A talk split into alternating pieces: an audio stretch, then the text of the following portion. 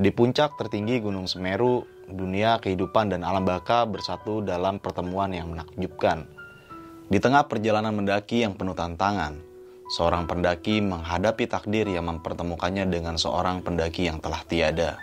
Jalinan antara kehidupan dan kematian menyatu dalam momen yang mengejutkan dan mendebarkan, di mana batas antara hidup dan mati menjadi samar.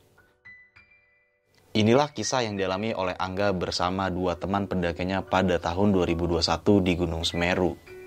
Kejadian itu masih teringat dengan jelas di kepala Angga tentang sosok pendaki tersebut yang masih menjadikan tanda tanya bagi dirinya. Penasaran dengan kisahnya seperti apa? Duduk manis, siapkan cemilan, dan selamat mendengarkan.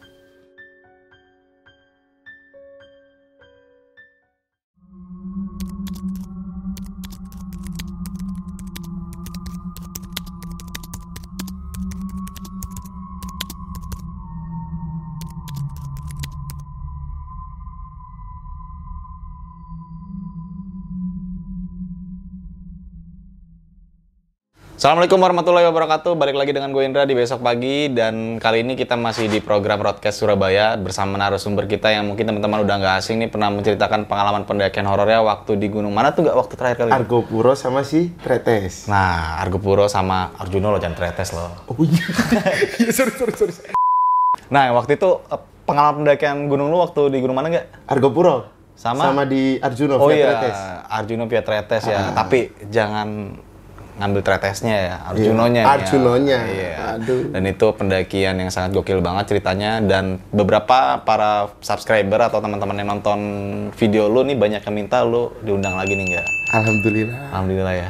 Dan kali ini lu akan menceritakan pengalaman pendakian horor lu waktu di gunung mana nih? Semeru. Semeru. Semeru. Itu tahun berapa kalau boleh tahu nggak? 2021 2021. pertengahan Mei. Pertengahan Mei 2021. Iya. Oh itu sebelum erupsi berarti ya? Sebelum sebelum pas sebelum erupsi. Iya, padahal udah berdekatan tuh waktunya. Iya.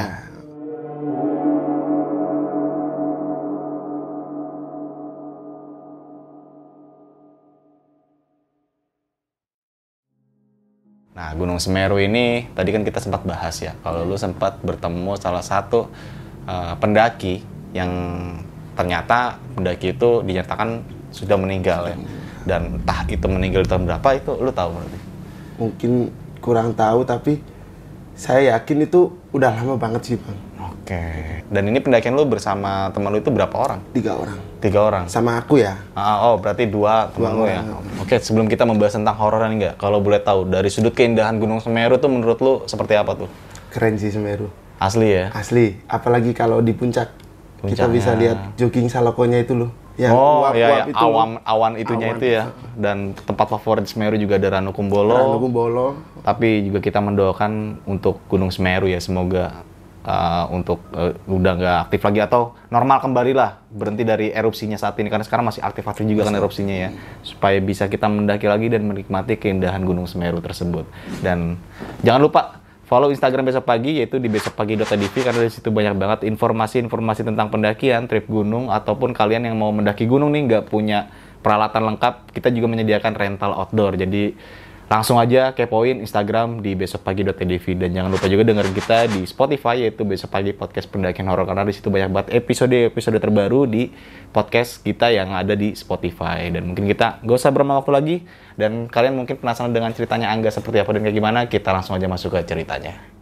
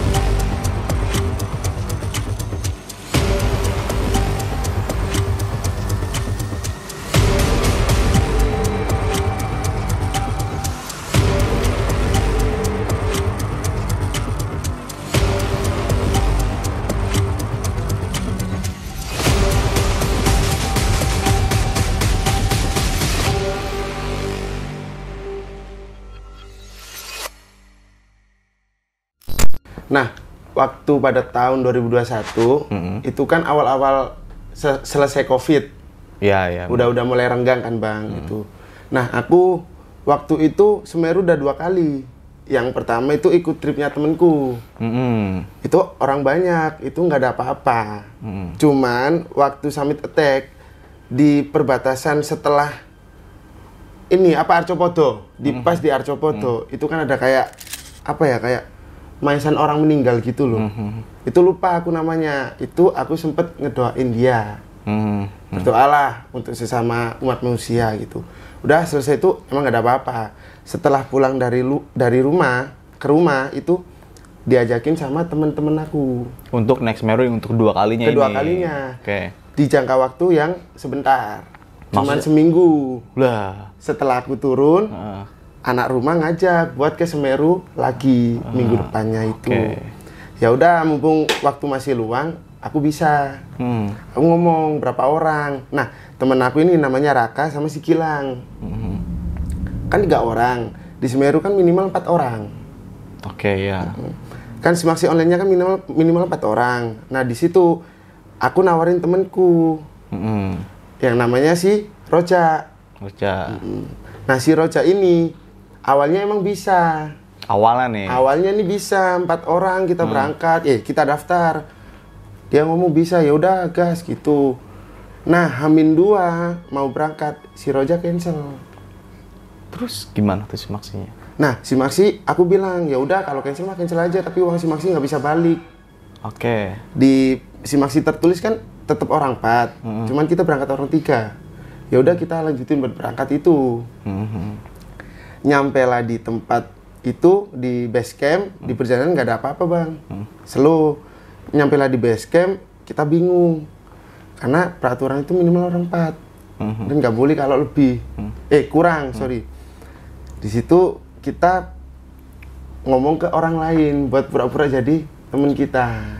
Si Rojak ini. ya buat pura-pura jadi si rojak. Iya, iya, iya. kan ketua ketua kelompoknya kan aku. Hmm. nah ditanyain doang berapa orang mas? Itu. Empat orang pak sama saya itu. Oh ya udah lanjut briefing. Mm-mm. ya kan? Kalau di Semeru kan briefing. Iya, benar. setelah setelah briefing briefing selesai semua peraturan semua apa yang nggak boleh dilakukan itu dicerita eh dijelasin. Kita prepare buat berangkat. Itu pukul 10 sampai 11-an lah. Siang Nah, ya? siang. Karena briefing mulai jam 9 setelah berangkat kita berdoa. Kita berdoa nggak ada apa-apa. Cuaca cerah enjoy gitu. Jam 11 jam 10 kita berangkat. Di pos 1 itu kan jalannya masih nurun masih landai lah katakanlah. Semeru kan konturnya enak gitu. Itu benar-benar sepi nggak ada orang gitu. Oke. Hmm, cuman kita bertiga doang. Nyampe lah di pos 1 kita istirahat. Di sana ada warung. Iya. ada warung bapak-bapak tua gitu. Kita ketemu mendaki, turun empat orang. Mas monggo, nggih gitu. Kita jalan ke pos 2. Kurang lebih 1 sampai 2 jam. Nah, di sana mulai ada kejanggalan. Apa tuh? Yang awalnya itu kayak ketawa-ketawa, tiba-tiba dua orang belakang ini tiba-tiba diem terus. Ya. nggak tahu kenapa tiba-tiba kayak berubah gitu suasana Ah. awalnya aku bodo amat kukira capek atau apa gitu. Ya udahlah kita lanjut nyampe nyampe pos 2 kita istirahat. Kita bikin kopi. Oke. kita ngopi kita santai istirahat setengah jam. Lanjutlah kita jalan. Ya. lanjut kita jalan mungkin jam setengah tiga atau jam dua lebihan lah kita lanjut jalan buat ke pos 3 Ya. Nah di pos 3 ini masih rame bang, masih banyak Pendaki pendaki lah ya. yang mau turun, yang mau naik kan udah nggak ada, karena di waktu itu sepi, Itu hari biasa atau weekend? hari biasa, Oh, hari biasa. Oh, iya. weekday. Nah di waktu itu sepi, di pos 3 itu kan banyak orang jualan berjejeran gitu, masih kita masih ngobrol-ngobrol, terus si ibunya nanya, ada ibu penjual, Hmm. masih berapa orang gitu, cuman tiga orang bu ini, loh kok bisa di pendaftaran tiga orang? Mhm. Ya bu, bisa bu, yang satunya cancel gitu. Walah, mas percaya nggak kalau di gunung itu nggak boleh ganjil? Oh, ibu-ibunya ngomong kayak gitu. Iya. Iya bu percaya, cuman niat kita kan baik gitu, nggak Ah. ada apa-apa. Ya udah mas berdoa aja ya, nanti kalau ada apa-apa istighfar. Mhm. Ya bu, makasih gitu. Nyampe di pos 3 kita ngobrol sama ibu-ibunya, kita putusin buat lanjut jalan Mhm. ke pos 4. Mhm. Pos 3 itu jalannya lumayan nanjak. Itu udah mulai kontur-kontur nanjak itu. Sejam setengah sampai dua jaman lah kita baru nyampe di pos 4. Nah, nyampe di pos 4 itu mau maghrib. Oke. Kita mutusin buat istirahat sambil nunggu maghrib. Karena temenku yang Raka ini, dia rajin buat sholatnya itu nggak mau Oh, telat, nggak iya, mau telat iya. gitu. Aha. Terus dia bilang mau sholat bentar, oke bebas gitu. Nah di waktu si Raka sholat ini, si Gilang ini ngelamun aja bang. Oh, dia nggak sholat berarti si Gilang ini ya? Enggak, enggak sholat. Ah. Udah tak suruh sholat dia nggak mau. Malah ngelamun. Malah ngelamun. Gua tanya, eh aku tanya, Lang, kenapa nggak sholat? Dia diem aja. Ah. Aku nggak mau nggak mau banyak ngomong. Takutnya kan kalau orang capek banyak Benar, ditanya benar, kan benar. marah kan bang. Iya, ya. benar, benar. Ya udah kata kata aku ya wis lah gitu. Nah setelah Raka ini sholat gantian aku sholat Hmm. karena emang tempatnya kecil gak cukup buat sholat bareng gitu. Hmm. Ya udah sampai selesai sholat si Gilang itu mandangin ini arah danau Ranu Kumbolo itu kan di pos 4 udah atasan ya. Benar, Di ya. bawah kan udah ada danau. Dia tuh mandangin terus. Sebelum Raka sholat sampai setelah aku sholat itu dia ngelamun mandang itu terus. Sampai lu kelar sholat juga masih mandangin. Sampai aku kelar sholat itu masih mandangin gitu. Sama si Raka di tablet ininya. Eh, ojo ngelamun. Ke api gitu.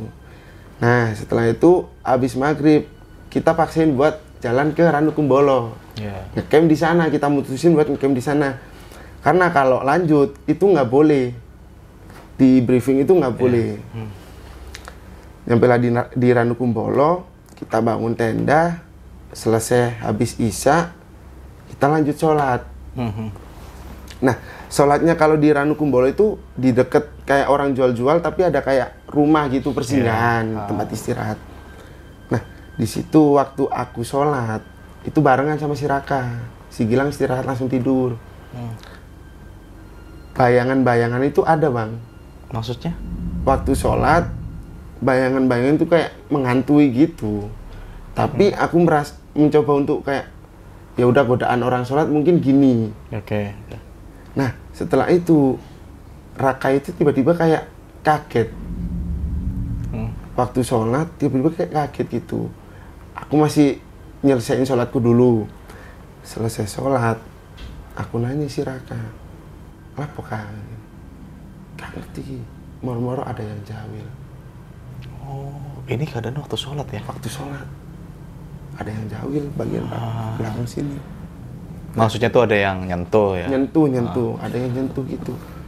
Nah, si Raka kaget langsung noleh belakang nggak ada apa-apa. Dia lanjut sholat lagi. Mhm. tapi di situ dia mulai resah kayak gelisah gitu. Aku ngomong santai kah? Nggak apa-apa ini Bismillah gitu. Kita kembali ke tenda.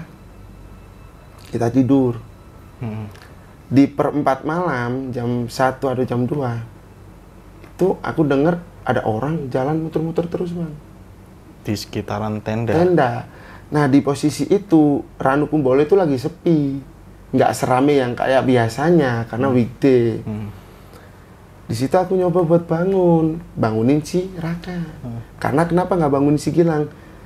Aku khawatir si Gilang ada masalah pribadi. Oke. nggak mau diganggu atau apa gitu. Aku bangunin si Raka. Kah cek di luar kah siapa tahu ada hewan takutnya Iya. ada hewan gitu Mhm.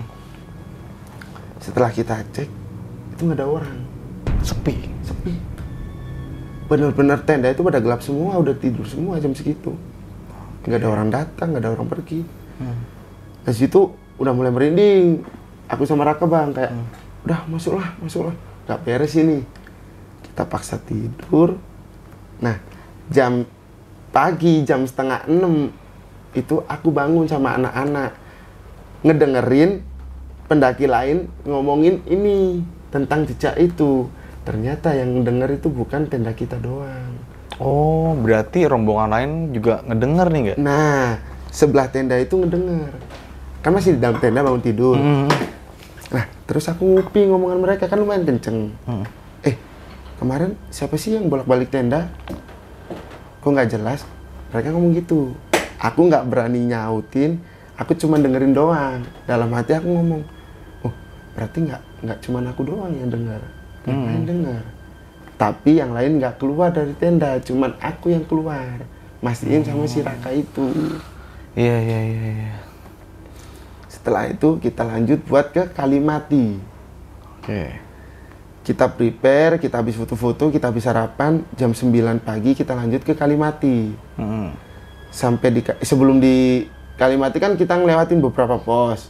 Hmm. Yang pertama kan Bukit Cinta, Oh iya, tanjakan cinta Tanjakan itu. Cinta. Eh, kita lewat Tanjakan Cinta nggak apa-apa, nggak masalah.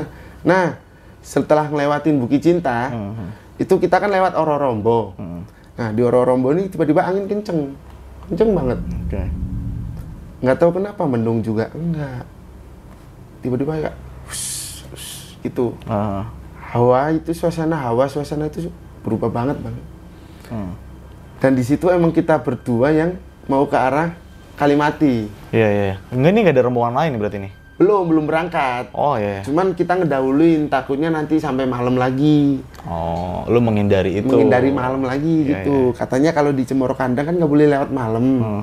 banyak hewan-hewan buas gitu nah kita istirahat lah di Ororombo setelah itu Hmm. bentaran 10 menit sempat dua sepat gitu kita lanjut ke Cemoro Kandang di Cemoro Kandang ini tiba-tiba yang awalnya cerah itu kayak men apa kayak mendung tapi gelap banget bang Loh, gelap. Berarti langsung langsung kayak masuk di area Cemoro Kandang itu gelap.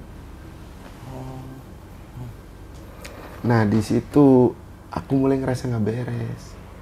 Di situ kita pindah posisi. Yang awalnya aku depan, tuker sama si Raka. Hmm. Aku belakang. Karena yang di tengah itu hilang. Nah waktu di belakang, itu gua ngerasa kayak ada yang ngikutin. Ya. lu pasti ngerasain kalau ada orang ngikut- ngikutin kita jalan kan pasti kerasa. Asli ya, terasa. Nah, itu kayak ngerasa aja gitu bang. Terus aku noleh ke belakang.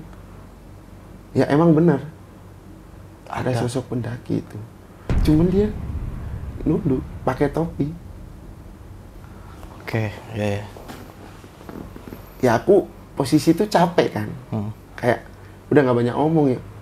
Oh mas, monggo gitu. Dia dimai gitu. Ya udah aku jalan. Ngomong ngomong sama si Raka, kah ada pendaki baru kah gini sendiri gini nih. Hmm. Ya wes ki, suruh lanjut aja. Nah aku ngomong ke pendaki itu, Oh, lu berarti sempet interaksi nih. Apa tuh interaksi? Mas, lanjut mas kalau dulu mas. Enggak mas. Dia tapi ngomongnya pelan bang. Kayak samar-samar gitu. Hmm.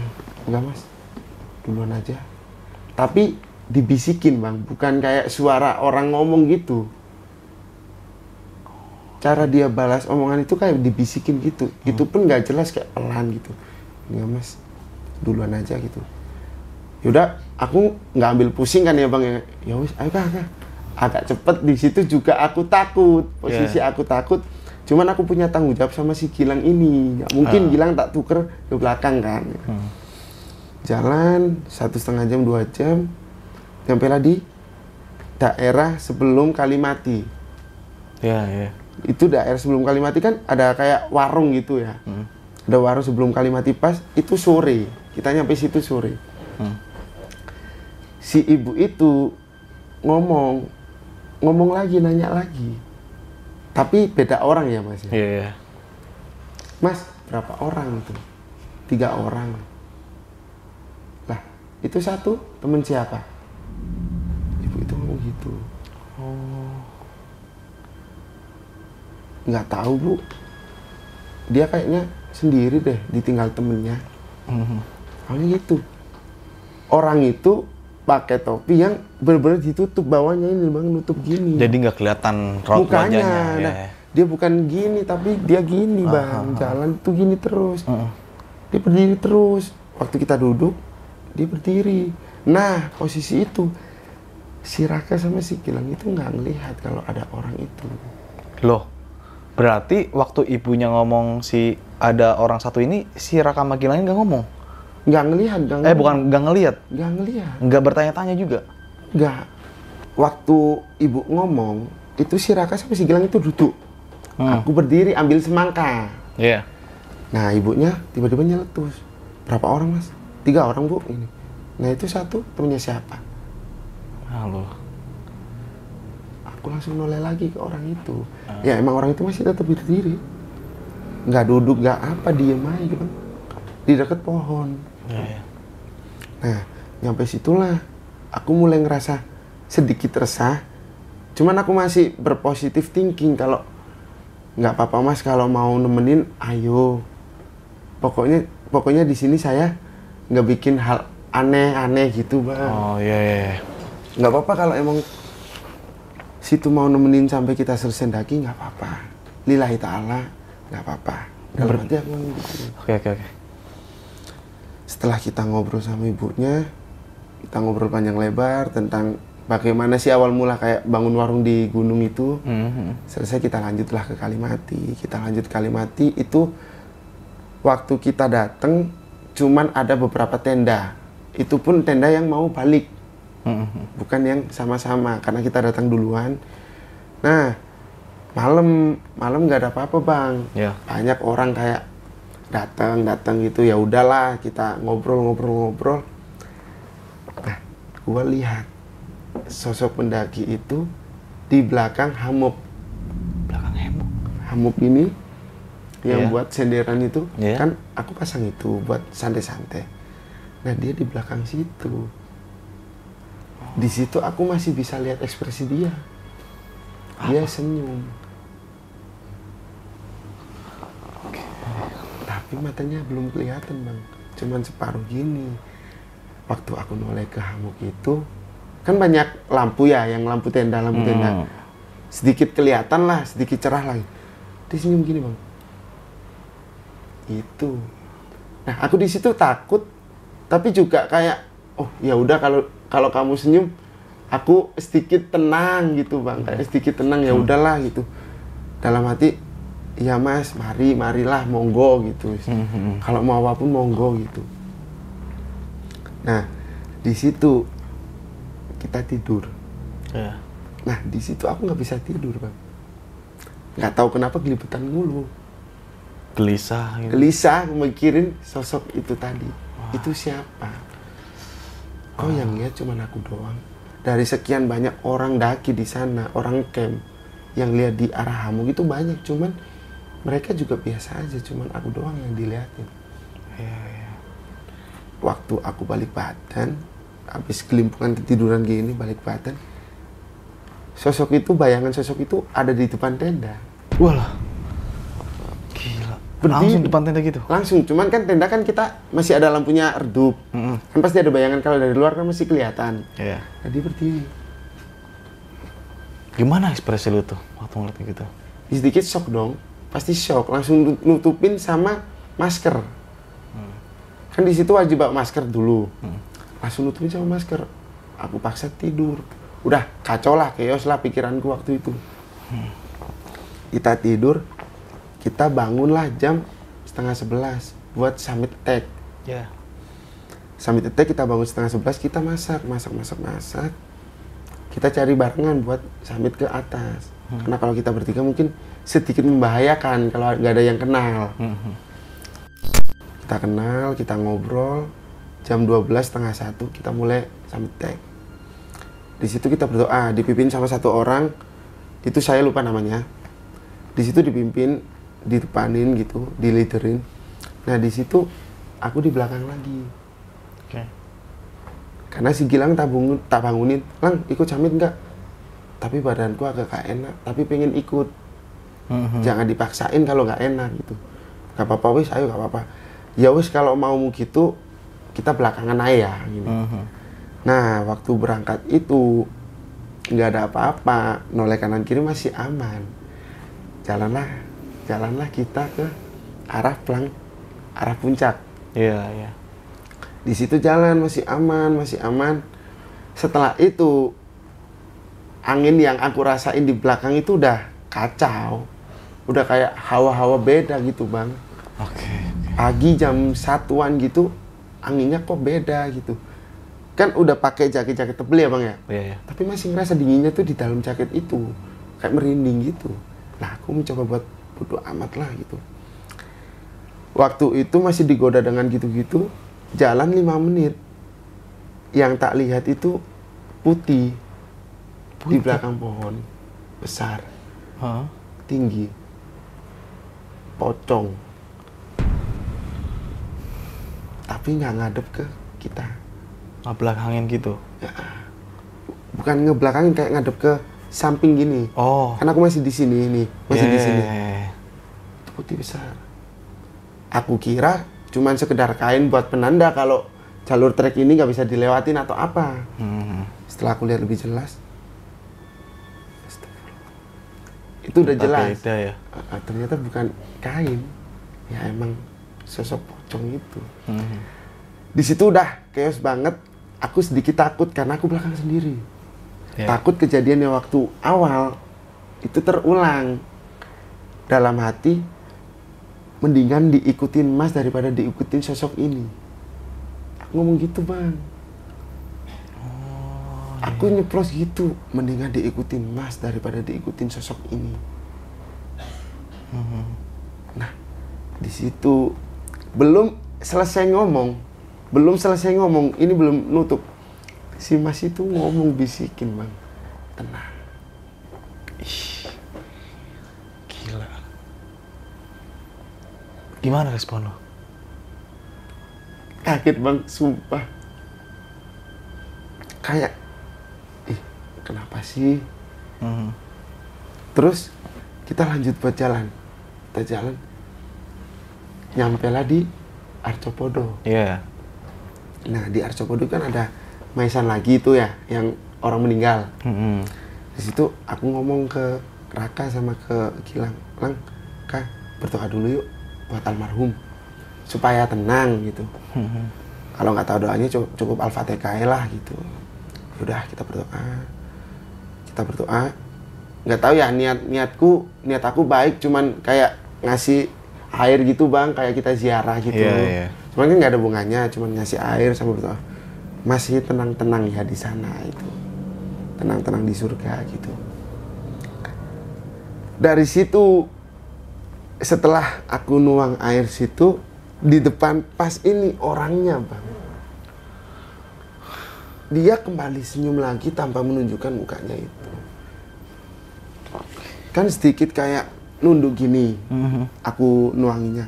Waktu aku noleh gini di depan itu orangnya sambil gini dia senyum Ih, serem banget ya. di situ aku dalam hati ngomong apa ini sosok sosok ini almarhum ini yang meninggal itu Hmm. aku belum bisa mastiin karena aku belum tahu foto almarhum yang meninggal itu gimana bang Karena lu nggak sempat ngeliat semua full mukanya ya. nah itu bang aku nggak mau ambil persepsi yang salah nanti takutnya. Iya, iya, iya. cuman aku berdoa yang terbaik buat almarhum. Mhm. nah di situ kita lanjut jalan. Kita lanjut jalan. Nah sebelumnya yang sama anak-anak ini aku kan nggak nyampe puncak. Iya, iya. yang sama tripsnya temenku itu nggak nyampe puncak. Entah kenapa waktu sama mereka yang bertiga ini fisik ini serasa kayak kuat aja bang kayak ada yang dorong di belakang Oke. tiba-tiba kayak nggak mudah capek, nggak mudah haus. Padahal aku itu orangnya kayak gampang dehidrasi parah, gampang de- Di situ kok aku ngerasa aneh dalam artian kemarin aku nyampe Arcopodo itu nggak jam segini loh. Mhm. Tapi ini kok jam segini, kok sejam lebih cepat. Padahal itu nggak nggak tanggung lama waktu kita berangkat di Kalimati itu. Iya, iya. Nah, aku ngomong, aku ngomong sama diriku sendiri gitu. Setelah itu kita kita paksain buat jalan. Batas vegetasi, agak jauhan dikit kita istirahat. Iya.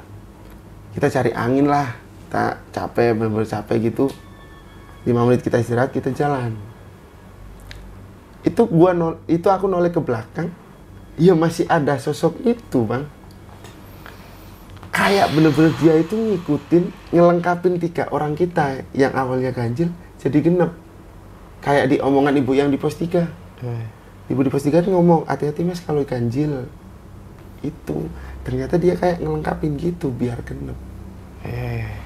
Nah, singkat cerita, sampailah di deket puncak. Iya. 15 menit setelah puncak. Heeh. Itu udah sunrise lah katakan abang, udah menjelang pagi. Udah seneng dong, wah akhirnya nyampe puncak. Iyalah. Haru itu pasti bang, kayak terharu itu pasti. Iya. Dan ini perdana lu sampai puncak Mameru ya. Perdana, perdana, karena sebelumnya kan gagal. Ah. Nah, kita lanjut, kita istirahat itu cuma bentar karena saking senengnya itu. Nyampe puncak, kita sujud. Sujud syukur. Nah, nggak tahu kenapa aku itu juga nggak sadar kok abis sujud itu aku nyariin sosok itu, Bang. Kenapa? Kayak mau kayak spontan mau ngungkapin seneng gitu. Oh.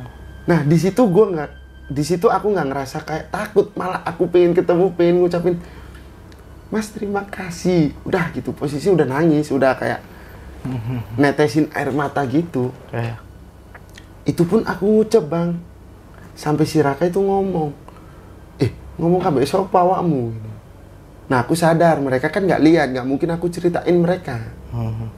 Aku ngomong, ya enggak keceplosan aja kak, saking senengi, saking senengnya gitu. Nah di situ udah seneng banget kita foto-foto, kita turun bang. Hmm. Kita turun itu udah nggak ada apa-apa kayak sampai kalimat itu, ya udah siang gitu, panas gitu, cepet kan kalau turun. Iya, iya. Sampai Kalimati itu jam 10 setengah 10-an gitu kita masak, kita mutusin buat masak, masak masak masak. Kita ngobrol sama pendaki lain, gak ada apa-apa, emang siang itu emang fresh lah katakan. Iya, iya. Tapi di pikiranku bang, aku masih nyariin sosok itu. Oke. Bukan karena ketakutan atau apa ya bang ya. Hmm. Aku penasaran banget sama sosok itu. Kenapa di posisi ketika aku seneng, sosok itu nggak ada. Sebelum lanjut ke cerita, untuk kalian yang ingin menjadi narasumber di besok pagi dan mempunyai cerita horor dalam pendakian, kalian bisa kirim cerita kalian ke Instagram official besokpagi.idv atau melalui email besokpagi.ch@gmail.com.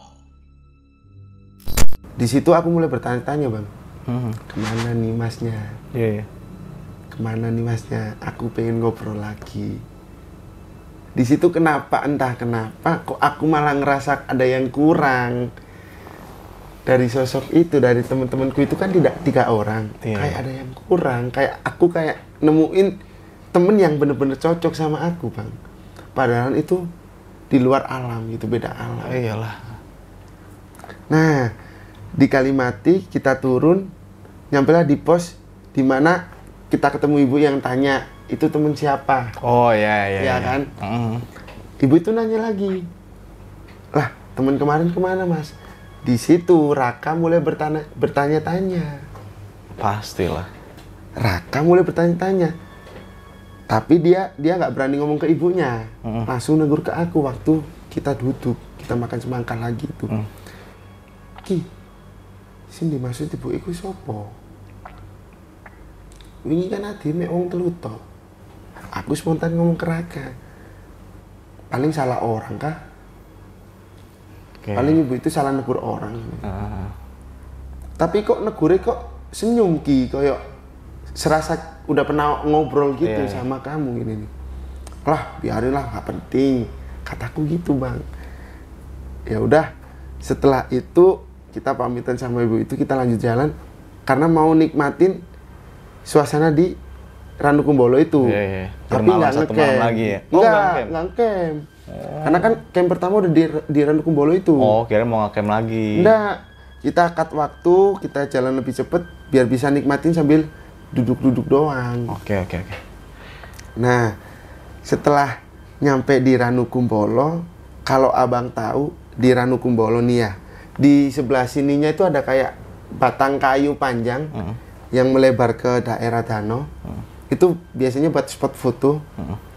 nah di situ aku kembali lihat sosok itu lagi Loh, itu jam berapa? siang menjelang sore.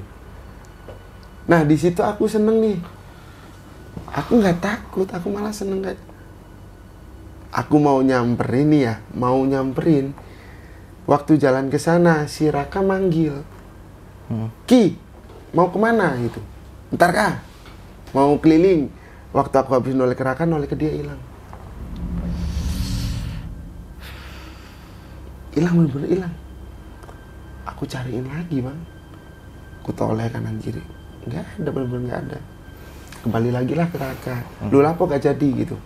Nggak kah panas kok sawangannya panas. Nah setelah itu habis sholat asar kita mutusin berjalan Mhm. kita mutusin berjalan kan kita istirahat di Ranukumbolo cukup lama nih bang Iya, iya. dari siang menjelang sore sampai setelah sholat asar nih. Nah, kita lanjut.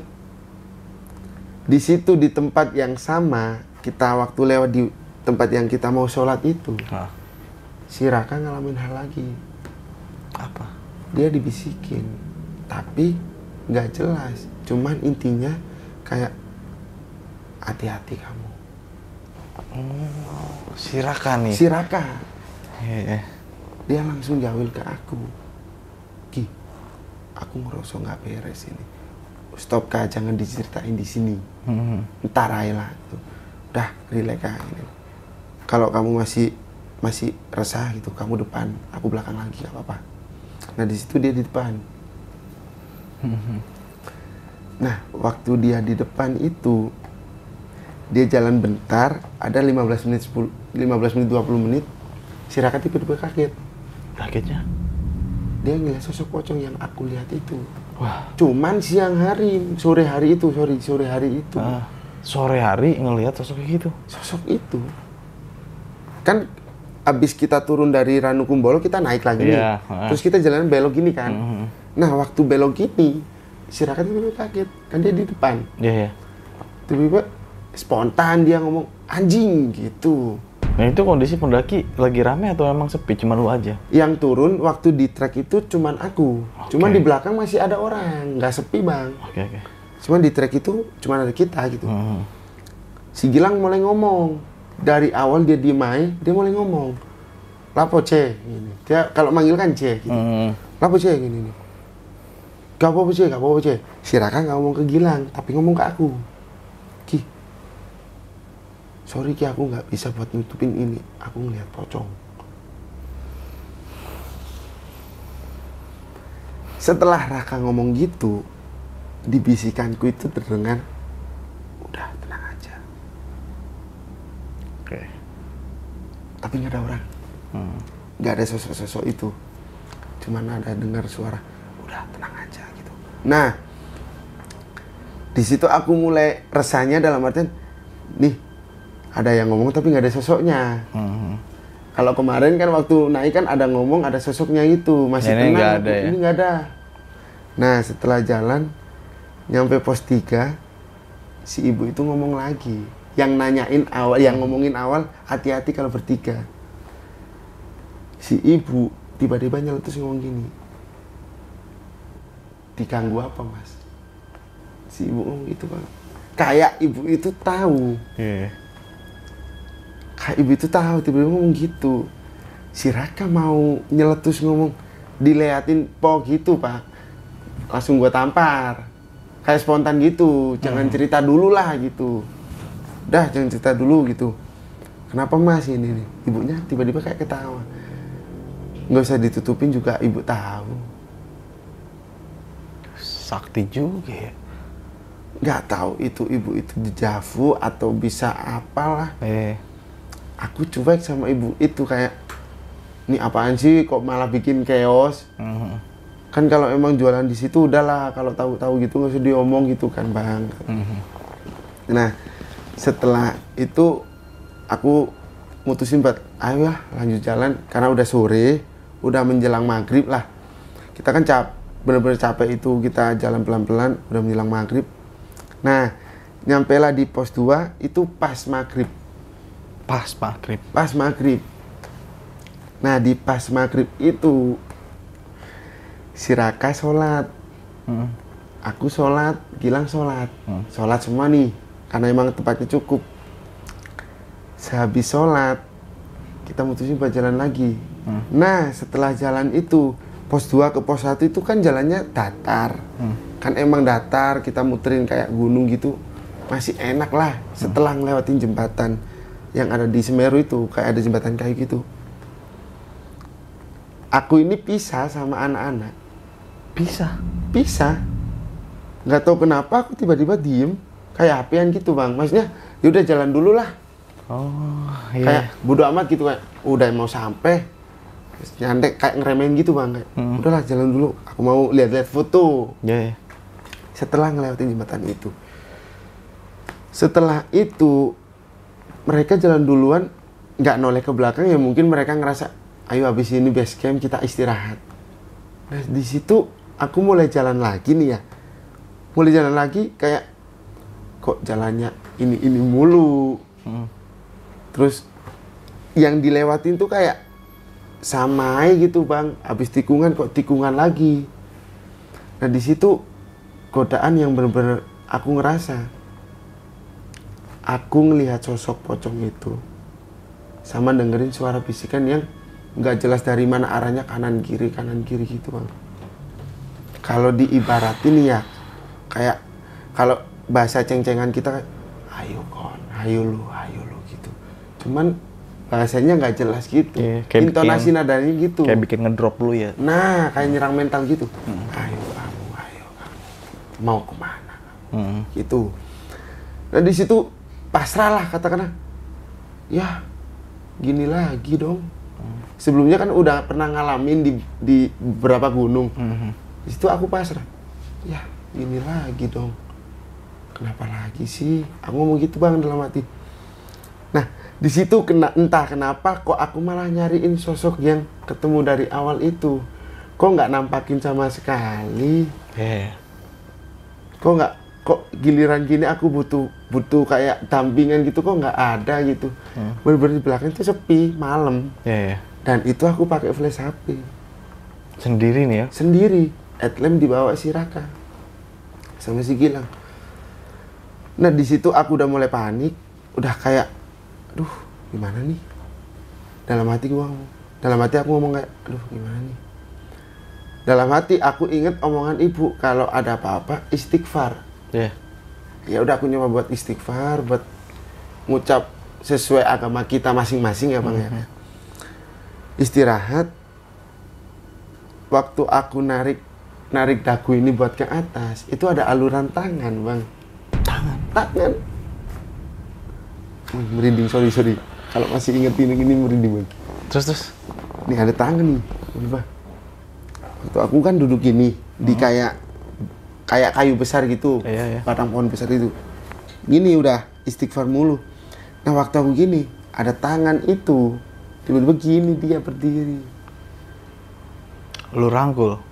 Atau lu ini lu sambangin tangan itu. langsung gua giniin dan itu ngerasa kayak tangan manusia beneran Bang. Tapi di posisi itu dia nggak berhadapan sama aku dia menyampingkan aku kayak gini modelnya kayak cuek Oh, iya, iya, iya. jadi posisinya gitu bukan yang berhadapan gitu aku masih belum bisa lihat wajahnya belum bisa sampai detik itu aku belum bisa. Nah di situ aku langsung nyeletus ngomong nggak tahu kenapa mungkin seneng atau sedikit gimana gitu kayak ngomong. Nah mas akhirnya saya tunggu-tungguin baru dateng. Kayak ngerasa itu kayak partner beneran lah bang. Iya, iya. Tapi beda alam. Nah mas akhirnya ditunggu-tungguin baru dateng ke mana aja sih gitu. Aku lupa kalau itu udah Beda alam ya. beda alam itu saking nyamannya gitu bang Mm. nah setelah itu jalan dia di depan Oke. dia ngomong kalau orang ngomong di depan pasti dengernya dari depan dong suara. Tapi ini enggak dari belakang, telinga kanan. Dia Ngomong apa dia? udah tenang aja. Kayak bahasa-bahasa Jawanya udah tenang aja. Aku depan. Oke. Aku spontan ngomong, oke bang, lanjut. Gitu bang, kayak terlanjur kayak seneng gitu kayak, oke bang, lanjut bang gitu. Nyampe sana, nih percaya nggak percaya, jalan menuju ke pos 1 itu ada sosok pocong itu lagi. Tapi dia udah gak berani ganggu. Dalam artian dia gak berani ngeliatin. Setelah ada sosok almarhum ini, di depan dia cuma noleh ke sosok itu. Waktu gua lihat sosok itu gua langsung spontan astagfirullahaladzim. Nah si almarhum ini dia noleh ke kanan ke ke arah pocong itu. Langsung seketika itu hilang Oke. seketika itu hilang lillahi ta'ala langsung hilang sosok pocong itu Halo sob, sebelum lanjut ke cerita, gue mau kasih tahu nih. Jadi gue dapat kiriman paket celana boxer dari Heracles Apparel. Nah, jadi Heracles Apparel ini menjual berbagai macam boxer yang sangat menarik, produk yang berkualitas, dan harganya yang sangat terjangkau. Kalian bisa lihat nih, bahan yang gue pakai sekarang ini sangat nyaman banget gue pakai. Celana dari Heracles Apparel ini juga terdiri dari berbagai macam motif. Jadi, sudah pasti sangat cocok dipakai di situasi apa pun. Produk Heracles ini juga tersedia di marketplace seperti Shopee dan Tokopedia. Cara dapetinnya mudah bukan? Jadi tunggu apa lagi? Untuk lebih jelas dan detailnya, bakal gue cantumin nih linknya di deskripsi video. Nah setelah sosok itu kayak ngusir pocong itu, jalan itu kembali normal. Nah nyampe lah kita kita di pos satu, aku di pos satu, karena kan aku sendiri di situ. Tapi aku udah nggak ngeliat jam sama sekali. Tahu-tahu di pos satu itu aku udah jam 8 malam. Yang notabene sangat gak mungkin orang kita nyampe di pos 2 aja itu habis maghrib Ah, kita start jalan aja nggak sampai lama kok tiba-tiba di pos 1 jam 8. malam Berarti hampir 2 jam ya. 2 jam Hampir. lebih lah ya. lebih kurang dua Iya, jam kurang. kurang, Ah. ah, dua jam kurang itu tiba-tiba nyampe pos 1 aku ngecek HP lah kok jam 8 malam?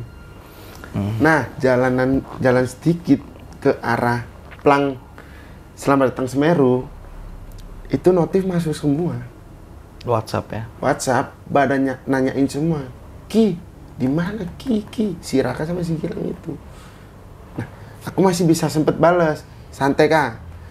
Aku keturun. Aku jawab aku ketiduran. Mhm. kecapean kah gini nih ya wes sedang balik dia bilang gitu. Iya slow itu. Nah di di pos satu ini eh sorry di di plang ini Hmm. aku ngucap terima kasih sama sosok itu. Oke. sendiri berhadapan dengan jalur trek itu dengan dengan beraniin diri walaupun di situ emang sepi nggak ada orang nggak ada sosok itu aku ngomong mas makasih ya nanti kita bertemu lagi di lain waktu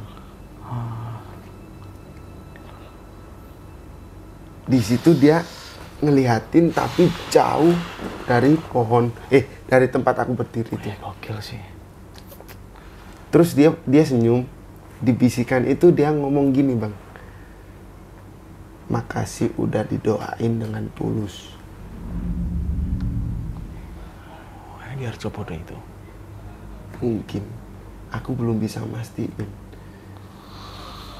aku belum bisa berbikin opini yang mungkin di Arcopodo atau apa, tapi itu mungkin. Dan di situ aku mulai ngerasa kayak, oh, ya, aku pamit mas itu.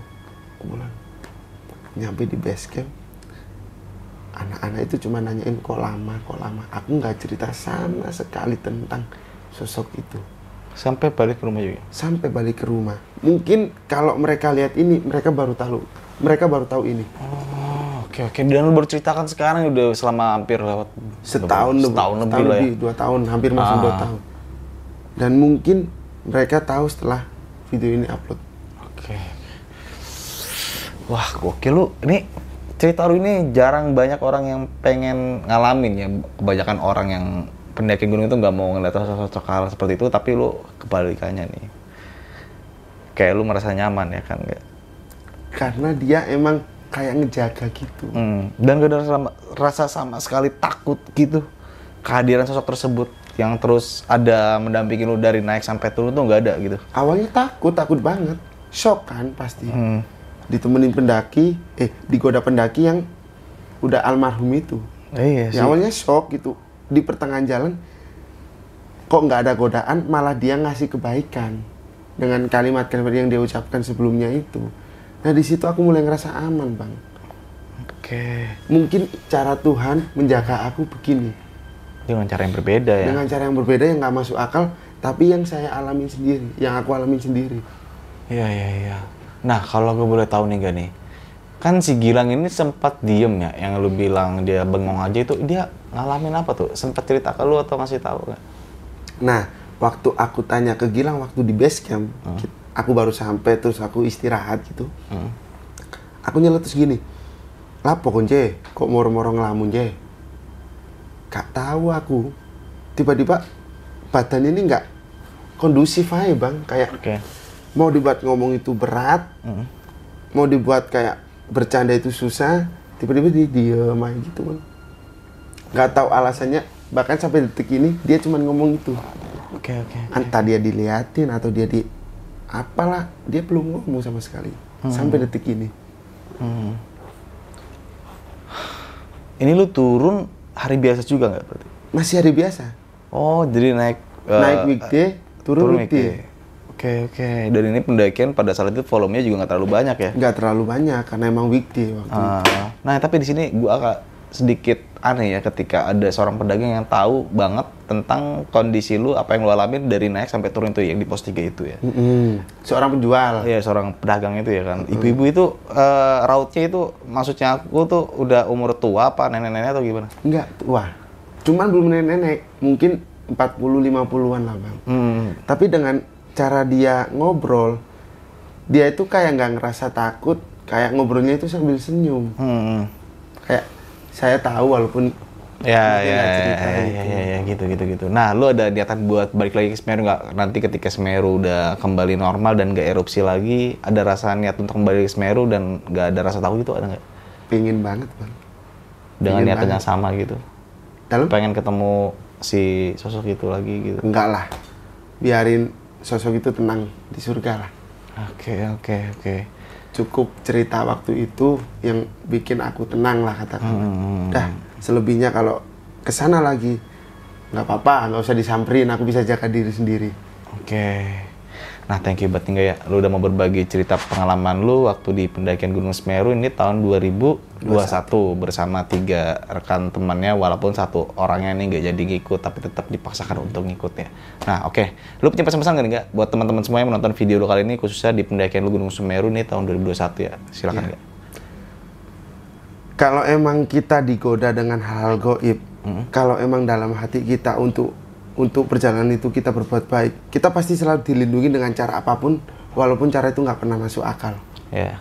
dan balasan itu pasti ada gitu dan kita akan merasa tetap aman walaupun sedikit ada godaan itu Oke, dan di sini juga gue bakal tambahin ya karena uh, tadi lu juga sempat menceritakan kalau lu itu naik agak memaksakan nih. ya agak memaksakan lebih baik ya kita menghindari hal tersebut supaya tidak apa supaya tidak terjadi hal yang tidak diinginkan dalam pendakian kita pada saat itu juga. Oke. Mungkin dari gue itu aja. Saksikan video-video berikutnya dari besok pagi. Eh, gue sangat berterima kasih banget buat Tangga yang udah mau kembali lagi menceritakan pengalaman pendakian gunungnya. Dan semoga teman-teman semua yang menyimak video kali ini bisa mengambil sisi baiknya dan bisa menjadikan pelajaran juga bagi kita semua. Dari gue Indra. Kurang lebih mohon maaf. Wassalamualaikum warahmatullahi wabarakatuh.